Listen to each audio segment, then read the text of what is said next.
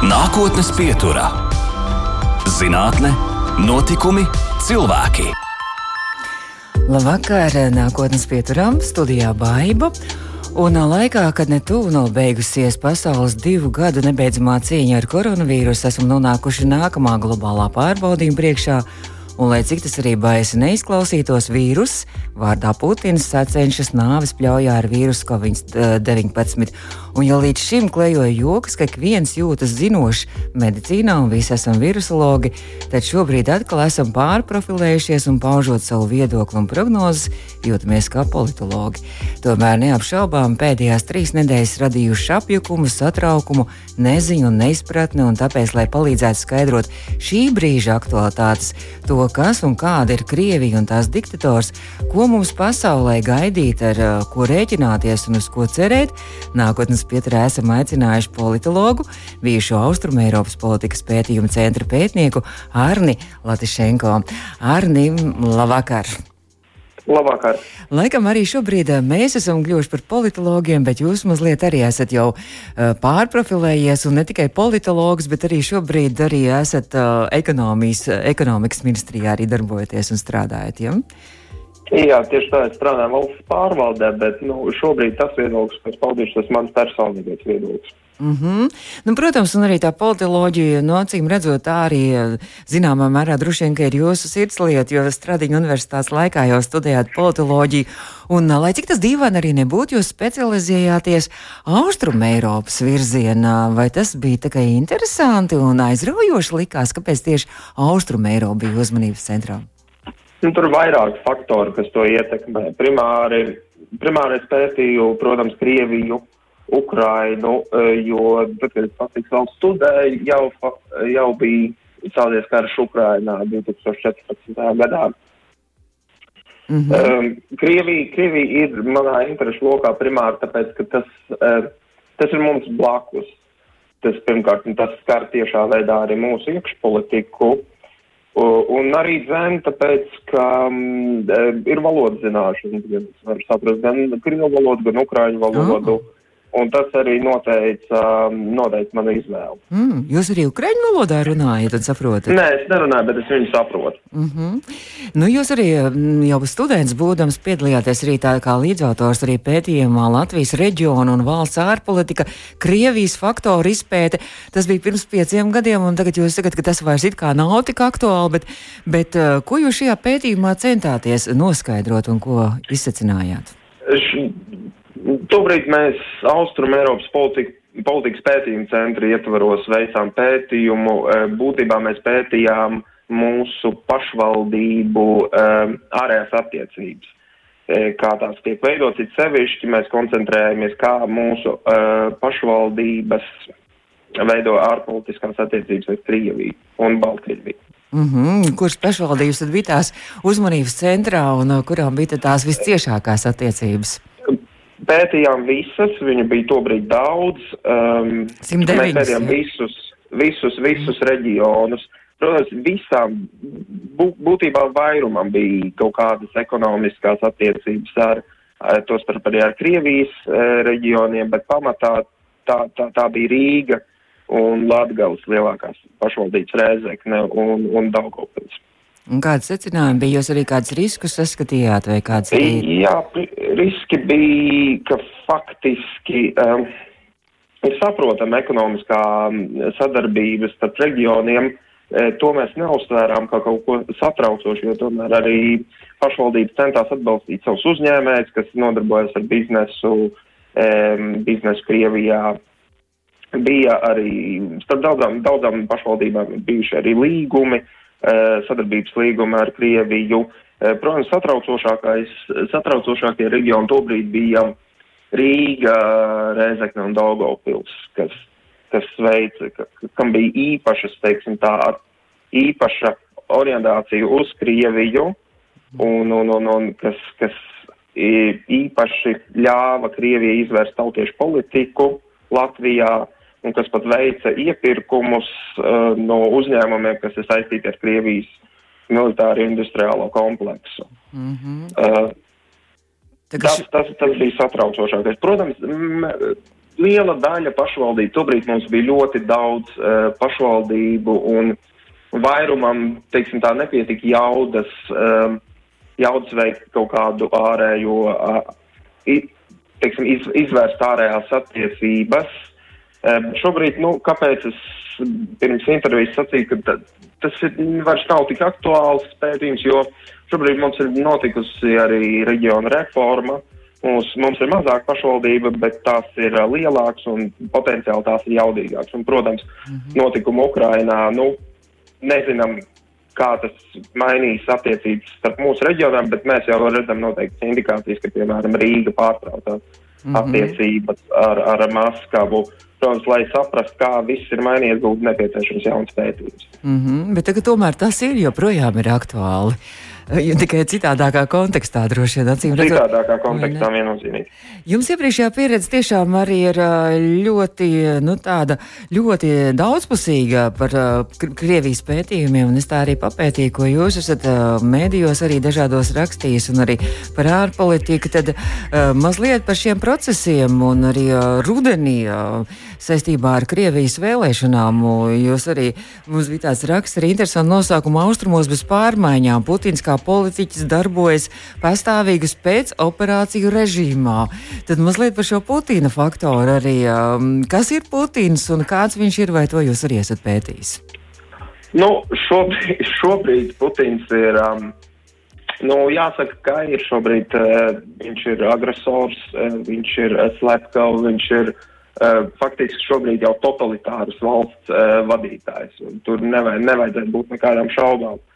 Eh, jo mēs redzam, kas notiek Ukrainā, un Ukrainā iet bojā cilvēki. Bet arī līdz šim, līdz Ukrainas notikumiem, eh, Putins, Putins atbrīvojas no Krievijas opozīcijas. Viņš, uh, viņš veic cilvēku slepkavošanas gan pašā Krievijā, tostarp arī teroraktus Krievijā, gan arī cilvēku slepkavošanu ārpus Krievijas, piemēram, tos pašus skriptaļus. Mm -hmm, bet tas, ir, tas, tas nozīmē arī, ka viņam kaut kas, nu, viņa, viņa, viņa paša kaut kādas ir iekšējās arī šīs problēmas, viņa raksturs, viņa iepriekšējā pieredze, jo tad arī tas, ka, ka viņš joprojām sajūtas, vai, vai, vai, vai tas viņam ir iekšā, ka viņš ir VDK virsnieks joprojām, viņš tā arī uzvedās. Teiksim tā, grūti, grūti ir ielīst viņa galvā, tas būtu galvā, tā, tā, tā būtu spekulācija. Spriest par viņu, teiksim tā kaut kādu mm, psiholoģiju un, un, un tās ietekme uz viņa ārpolitiku, bet acīm redzot, ka Putin, Putins ir transformējies savā, savas, savas valdīšanas laikā, jo sākotnēji tas bija um, līderis, kas nebija tik uh, agresīvi vērsts pret rietumiem, kā Putins pat bija līderis, kurš, kurš bija izteicis viedokli, iespējams arī Krievija varētu iestāties NATO. Mhm. Bet ar laiku notika pakāpeniska Putina, Putina uzskatu transformācija, ceļš pēc, pēc tāds lūzuma punkts bija 2006. gads eh, slavenā Minhenes runa, kur viņš izteica pārmetums rietumiem, ka rietumi nesaprotot Krieviju un ka rietumi nodarījuši pāri Krievijai.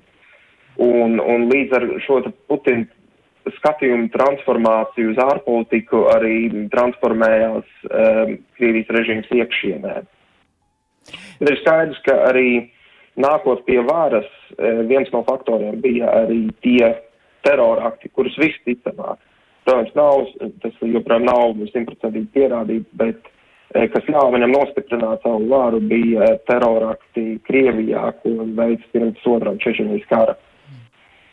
Bet kā, kā, kā to skaidrot? Tas ir, nu, ir, um, jūs teicat, ka nevar viņu galvā ielīst, bet tā ir tieksme pēc varas, vai tā ir visa atļautība, vai, vai, vai, vai, vai viņš grib tiešām jūtas kā pasaules iekarotājs, vai atgriezt atgr padomju savienības bijušo teritoriju. Ko, ko viņš vēlas? Nē, nu, mēs ļoti labi, tā ir ļoti laba ilustrācija tam, kas notiek ar to, ka cilvēkam ir um, praktiski desmit desmitiem gadu ir, um, ir neierobežota vara, kad viņš var darīt de, faktiski jebko. Un, un kad neeksistē demokrātijas, neeksistē tā sauktās check and balance sistēmas, kā degradē politiskā sistēma un politiskā kultūra valstī. Eh, protams, eh, Putinam ir bijis um, zināms tā pievilcības elements, kas ir uzrunājis arī daudz cilvēkus, gan Krievijā, gan arī ārpus tās, gan arī politiķu vidū, kādēļ pret Putinu nevērstās agrāk. Mm -hmm. Kad, teiksim, tā Putina priekšā pat trīcē, ka viņš radīja tādu iespēju, ka viņš ir uh, uzvarētājs, ka viņš ir uh, tāds mačo, uh, ka viņš ir spējīgs visus apspēlēt. Un, un cilvēkiem patīk uzvarētāji, cilvēks piesaista šādu cilvēku. Un tas ir tas faktors, kas ļāva viņam radīt um, viņa popular, popularitāti. Otrs faktors, protams, ka viņš uh, uzsāka savu valdīšanu nekavējoties ar, ar, ar kontrolas pārņemšanu par, par Krievijas valsts mēdījiem. Jā, par to noteikti arī mēs vēlāk mazliet parunāsim. Bet uh, lasīju arī Sandras Kalnietes tikko pētījumu, arī, kur viņa, viņa arī saka, zināmā mērā varbūt arī rietumi un rietumu politiķi, politiķi ir vainīgi šajā Putina faktorā, ka viņi piedeva, viņi auklējās ar viņu tīpaši arī Angela Merkele, kur ir bijis ļoti lojāla pret Putinu un centusies labo viņā saskatīt. Jā, te, te, te ir viens faktors, tā to varētu saukt par nomierinā, nomierināšanas politiku, kas tika arī īstenot, piemēram, no, pirms otrā pasaules kara attiecībā pret, pret Hitleru, bet kā, kā atkārtot parāda, nu, faktiski vēsture atkārtojas, un mēs redzam, ka šī nepretošanās politika, nomierināšanās, piekāpšanās politika nestrādā, jo uh, jo teiksim, tā, agresors ar katru nākamo soli viņa teiksim, tā, pārliecība par savu rīcību, teiksim, apetīte aug.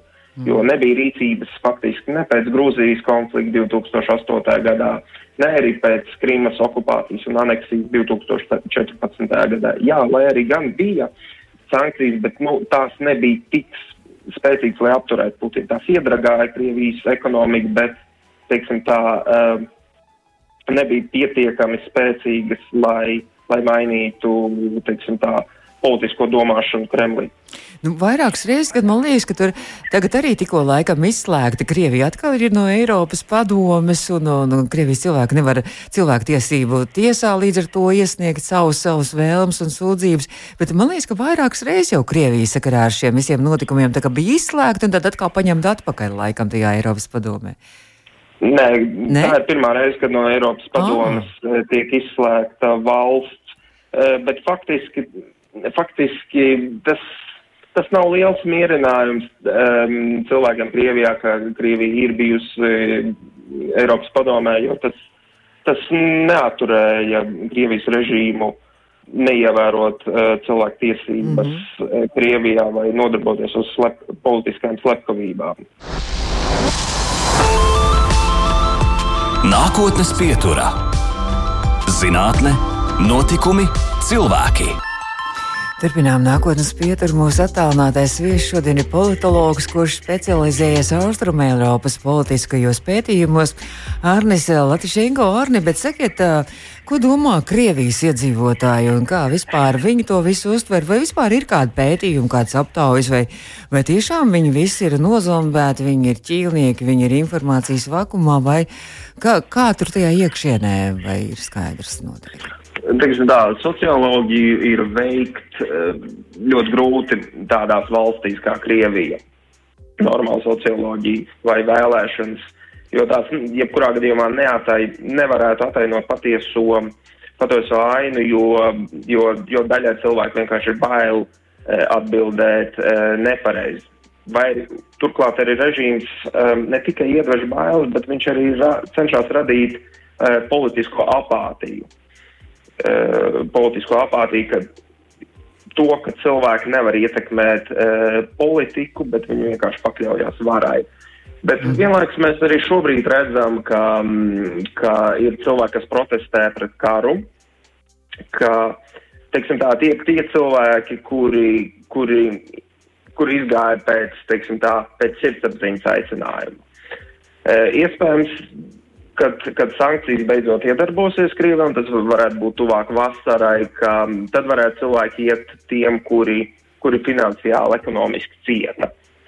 Bet arī tas nav garantēts, ka, ka, ka cilvēki izies, izies ielās, jo tomēr represīvais uh, aparāts Krievijai ir ļoti spēcīgs. Bet kas tādā gadījumā vispār to visu var apturēt, to, kas šobrīd notiek, un to visu var apstādināt, vai kaut kāda izēja no tā ir un vai ir cerības? Uh, šobrīd to var apturēt tikai faktiski mm, Ukrainas bruņoties spēki un teritoriālās aizsardzības vienības, jo uh, agresors ir skaidri parādījis, ka viņš netaisās piekāpties un, un nav iespējams mūžīgi, mūžīgi piekāpties agresoru priekšā.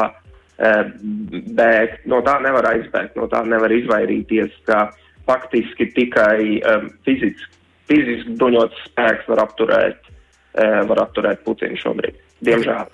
Tas nozīmē, ka Krievijā nebriest un uh, nav gaidām un nav cerības uz Krievijā, uz iekšienē, uz revolūciju. Kad kā tur tas revolūcijas definīcija bija apakš, vairs negrib dzīvot pa vecumu un augšas vairs nevar, vai tur tas nav, nav sagaidāms. Teiksim, to, teiksim, jā, es uz to nepaļautos. Es uz to nepaļautos un necerētu, ka tas notiks, jo, kā jau minēja, represīvais režīms ir spēcīgs, neskatoties to, ka uh, Krievijā būs ekonomiskā krīze un Krievijas, teiksim, E, ekonomikas saruks, e, režīms viennozīmīgi turpinās finansēt savu represīvo režīmu, tos nacionālo gvārdi, kas ir Krievijas iekšējā armija, kas ir vērsta pret e, savu sabiedrību, tostarp arī policiju līdz pēdējiem. Bet vasarā, mm, es pārtāju, jā, jā, jā pabeidziet, es tāpēc nē, nē, nē, turpiniet. Jā, vasarā jums arī jūs bijāt tādi, pievērsies tādai lietai un pētījumu lasīju, jo, jo ka, tieši otrādi vēl, nevis otrādi vai paralēli, ka Krievija steidz nostiprināties arī Arktikā, un tur viņi tajā, tajā virzienā vērš arī savus militāros spēkus un arī resursus. Šobrīd ir acīm redzama, ka Krievija pārvirzīja vismaz stiprākās vienības um, uz Ukrainu. Un, ja Ukraiņas spēkiem, teiksim tā, viņi ir atvilkusi no, no lielas daļas teritorijas uh, labākās vienības, ko viņa ir vērsus pret Ukrainu, un šobrīd lielā mērā citos reģionos Krievija ir um, kļuvis mazāk, ja ne, neaizsargāta, tad mazāk aizsargāta. Mm -hmm. Un kā Baltijas, uh, Baltijas virzienā, kādas ir prognozes un kā jums šķiet? Teiksim tā, uh, mēs varētu ļoti uztraukties, ja Putinam būtu izdevies, uh, kā viņš bija iecerējis, paņemt Ukraiņu trijās dienās. Šobrīd tas, uz ko mēs varam paļauties, ir um, Ukraiņas spēja aizsargāties, Ukraiņas visas sabiedrības uh, centieni nosargāt savu neatkarību. Uh, ja viņiem tas izdosies, kam es ļoti ticu un, un, un, un patiesībā ir ļoti, ir, ir, ir pozitīvas pazīmes, ka tas notiks, uh, tad iespējams, iespējams uh, teiksim tā, vēsturiskie draudi varētu tikt, uh, tikt Latvijai novērsti, jo, jo nu, šobrīd, šobrīd sajūtas ir tādas, ka mēs, mēs redzam faktiski vēsturisku brīdi, mēs redzam Krievijas, teiksim tā, Putina režīma, putinisma un Krievijas imperialisma beigu sākumu. Un kas pēc tam notiks? Kāds ir scenārijs? To, to ir ļoti grūti prognozēt. Faktiski cerība ir uz to, ka, ka, ka notiks faktiski Krievijas normalizācija, tāpat kā notika, piemēram, ar Japānu vai Japānu vai, vai Vāciju pēc otrā pasaules kara. Bet, lai tas notiktu, e, Krievija ir jāpieš faktiski militārā sakāve Ukrainā. E, Krievija jau ir uzlikta smagas, e, smagas sankcijas, un, un, un faktiski ir jāpiedzīvo, un, un, un Krievijas gan sabiedrībai, gan arī tiem cilvēkiem, kas atbalsta Putinu ārpus Krievijas, ir jāierauga šīs Putina politikas strupceļš un krahs. Vai ir kaut kāds cerības arī uz šīm miera sarunām, kas it kā šobrīd kā briest un ir iesākušās? Cik var, cik var izsaku līdzi tam, ko, piemēram, Ukrainas varas iestādes, galvenokārt Ukrainas um, prezidenta opis, um, no prezidenta opis izskan, ka ka ņemot vērā Krievijas neveiksmes, militārās neveiksmes, Ukrainā Krievija faktiski Krievijas armija ir iestigusi, tā nav spējusi ieņemt nekādas, um, kas bija paredzama, ka tā nespēs ieņemt lielās pilsētas. Um, Krievija, Krievija savās, Krievija sarunās atmaiņas, un tā arvien mazāk uzstāda ultimātus. -hmm. Un faktiski, ko var, kā var saprast no um, Ukrainas um, prezidenta ofisa cilvēkiem, Ukraina, Ukraina, teiksim tā, viņa tā, tā nepiekāpsies un pirmkārt tā, tā centīsies iegūt no šīm sarunām vairāk uzlabot situāciju, kāda tā bija pirms div, šī gada 24. Mm. februāra. Ka iespējams mēs, mēs nezinām, ko viņi tieši prasīs šobrīd, bet tas ir atkarīgs no situācijas faktiski kara laukā, bet iespējams Ukraina centīsies pat atgūt uh, kaut kādā ziņā Donbasu, Eh, Krīmu un, un eh, izveidot no, teiksim tā, eh, daudzpusējas drošības garantijas sev. Nu, novēlēsim, lai viņiem dieviņš palīdz un arī viss pasaules sadodas rokās un palīdz, un lai es Ukraiņiem pietiek spēka. Bet, bet vēl tikai jautājums arī um, ir izskanējuši arī tādas runas, ka Putins iespējams, ka nemaz nezin to reālo situāciju, ka no viņa tiek, no, no viņa baidās un līdz arī to, no viņa tiek slēpta arī reālā un patiesā situācija un arī viss vis šis stāvoklis. Kā jums šķiet? Vai viņš zina vai nezina, not, kas notiek Ukrainā līdz galam? Nu, no tiem avotiem, ko, um, ko es esmu izpētījis, ko no tiem, uh, teiksim tā, faktiski no, gan no Ukrainas varas iestādēm var teikt, varas iestādes teikt, tā var noprast, ka, nu, Putins ļoti labi saprot, kas, kas notiek, un tas ietekmē sarunas. Tomēr, ja. Protams, ka viņam, viņam ir pilna informācija par to, kas notiek. E, vienīgais, ko Putins, protams, kuru viņš tiešām kļūdījās, viņš, viņam bija citas ekspektācijas par to, par to, pirms viņš iebruka Ukrainā. Viņam bija ekspektācijas, ka viņi tiešām sagaidīs ar ziediem, bet, bet tas tā nenotika. Un, un manā skatījumā, ne tikai manā skatījumā, Putins faktiski ir pieļāvis fatālu kļūdu. Viņš centās eh, teiksim, ierīt kumos un sakošļāt tādu kumos, kas ir par lielu, jo tomēr Ukraina ir otrā lielākā valsts Eiropā pēc, pēc Krievijas. Tur ir valsts, kurā ir vairāk nekā 40 miljoni iedzīvotāji. Tā ir valsts ar vienu no lielākām armijām Eiropā. Un kā mēs tagad arī redzam, ārkārtīgi spēcīga, arī garā, stipra un, un arī tāda, nu, teiksim, gudra un arī lepna. Tas ir, tas ir, um, varētu teikt, tēvijas vai tēvzemes karš Ukraiņiem. Mēs turpinām nākotnes pieturu. Šo rādījumu varat arī pēc tam dzirdēt uh, mūsu mājaslapā audio sētē un arī podkāstos lielākajās vietnēs nākotnes pieturu. Nākotnes pieturā.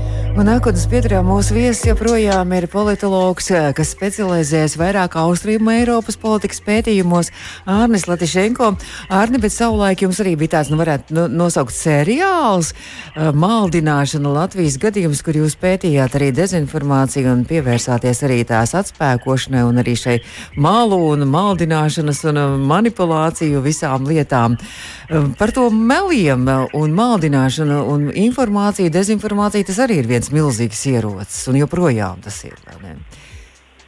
Jā, viennozīmīgi to mēs arī redzam, gan arī e, pašā Krievijas iekšēnē, gan arī, gan arī pie mums. Mēs redzam, ka mm, kaut vai paskatoties uz to, uz, uz, uz, uz nesenām, nesen publicētām aptaujām par par atbalstu Putinam, tostarp arī pēc šī kara sākuma. Diezgan briesmīgi vispār tā, tā, tā likās, ka, ka mums visi Latvijā cilvēki saprot, kas ir kas, un, bet izrādās, ka nē tomēr.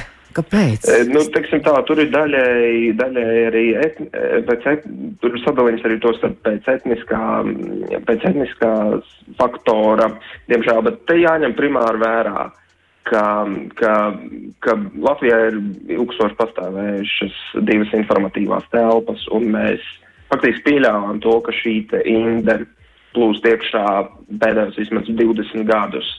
Un tas, tas ir rezultāts tam, ka pat šajos apstākļos e, ir cilvēki, kas ir gatavi atbalstīt nu, klāju agresiju. Klāju agresiju, neskatoties, ka tas ir acīm redzami nepareizi un amorāli. Nu, kā, kā, kā var um, teiksim, at, atpazīts, kāds ir kaut kāds pazīmes. Nu, tagad arī tiek daudz mēdī arī slēgti, kas šos melus tiražē, bet kādas, nu, piemēram, arī internetā daudz, kur droši vien un sociālajos tīklos un tā tālāk joprojām ir mm, visas iespējas mm, nodarboties ar šo melu maldināšanas lietām. Ir kaut kāda knifa, ir kādas pazīmes, kā neuzķerties uz tām. Nu, faktiski šobrīd, ņemot vērā, ka ir um, kara apstākļi un, un, un te jāņem primāri divi, divi faktori vērā. Tas, ka Grieķija ir um, totalitāra valsts, totalitāra represīva valsts un attiecīgi e, tajā atšķirībā no demokrātiskām valstīm medijas tas ir uh, specifisks instruments uh, varas noturēšanai un specifisks instruments Eh, maldināšanai un, un propagandas izplatīšanai. Un eh, tas, tas, ko, tas, ko šo, tas kas šobrīd ir, ir, ir izdarīts Latvijā, man, manā skatījumā tas ir pareizi, tas, ko dara Nepls, eh, slēdzot gan Krievijas kanālus, gan arī to starp arī bloķējot tīmekļa vietnes inter, internetā tas ir, tas ir būtiski, lai, jo, jo nu, jāiedomājas, piemēram, citu karu, iepriekšējo vēsturisko kāru apstākļos, ka tas būtu neiedomājami, ka, piemēram, laikā, kad notika kauja par Lielbritāniju gaisā, ka, piemēram, Lielbritānija ļautu nacistiskās Vācijas propagandai izplatīties savā sabiedrībā un teikt, nu, mums jāuzklausa arī otra puse. Uh, tas ir, protams, zināms uh, vārda brīvības ierobežojums, bet, bet, bet uh, teiksim tā, jebkura brīvība un tiesība ir ierobežojama, ja tā, tā ir leģitīvs mērķis un sabiedrības apdraudējums ir viennozīmīgi leģitīvs mērķis. Šobrīd to var pilnīgi fiziski just, ka, ka pastāv, pastāv šis apdraudējums, jo mēs redzam, ka tepat netālu uh, cilvēkus, cilvēks vienkārši slepkavo. Nu, tomēr, ja nu izdodas apiet kaut kā internetā, kaut kā šos blokus un kaut kā tomēr izlausties līdz citam, citiem tiem informācijas eh, melīgajiem kanāliem, nu kā, kā atpazīt, kā atpazīt tos?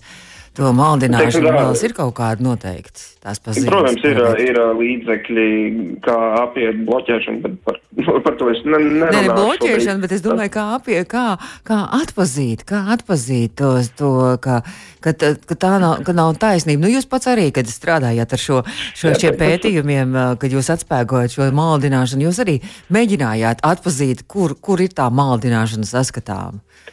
Tas ir faktiski ļoti grūts, grūts sarežģīts jautājums, tāpēc, ka te ir primāri, te ir primāri jāsaprot, kas ir šīs informācijas teiksim, avots. Ir leģitīmi uzticami avoti, kas sevi ilgstoši, ilgtermiņā ir pierādījuši kā labus avotus, un ir avoti, kuru, par, kuriem, par kuriem var šaubīties kuri ne, ne, neizraisa uzticību. Tas ir viens, mums vajag nošķirt uh, avotus. Uh, otrs uh, faktors, protams, ir jācenšas pārbaudīt noteikti informāciju vairākos avotos, vai, vai kaut kas atbilst faktam. Uh, tas, tas, tas ir tā ir spēja uh, strādāt ar, ar, ar in, informāciju. Un, un, un tas, ir, tas ir ļoti būtiski, ka arī sabiedrība šī mērī pratība uh, tiek iemācīta. Tas ir faktiski mūsdienu apstākļos, kad mēs dzīvojam faktiski, e, informācijas sabiedrībā. Mm. Tas, tas ir ļoti būtisks faktors, jo mēs, mēs redzējām arī Covid apstākļos, ka, ka maldināšana faktiski noved uh, pie cilvēku nāvēm. Tieši tā. Man gribēs vēl tā kā mazliet uz kaut kādas pozitīvākas nots eh, šo raidījumu un gribu pajautāt eh, jums, kā jūs vispār tā izvēlējāties savu profesiju politologs, nu, gan šobrīd arī, nu, tā kā jūs brīvā laika nodarbošanās ir politologs, bet kā jūs līdz tam nonācāt?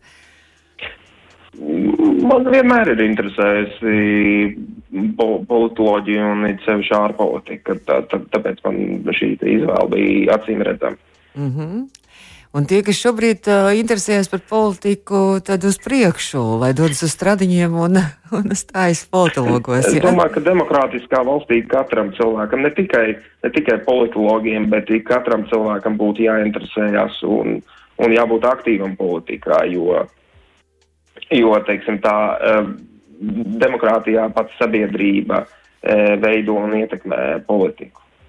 Tieši tādēļ mums ir jāinteresējas, tāpēc, ka mēs paši, teiksim, tā, mēs izvēlamies tos cilvēkus, kas, kas, kas teiksim, valdīs pār mums, kas ietekmēs mūsu dzīves, līdz ar to mums ir tā kā, mums ir jātur kontroli pār viņiem.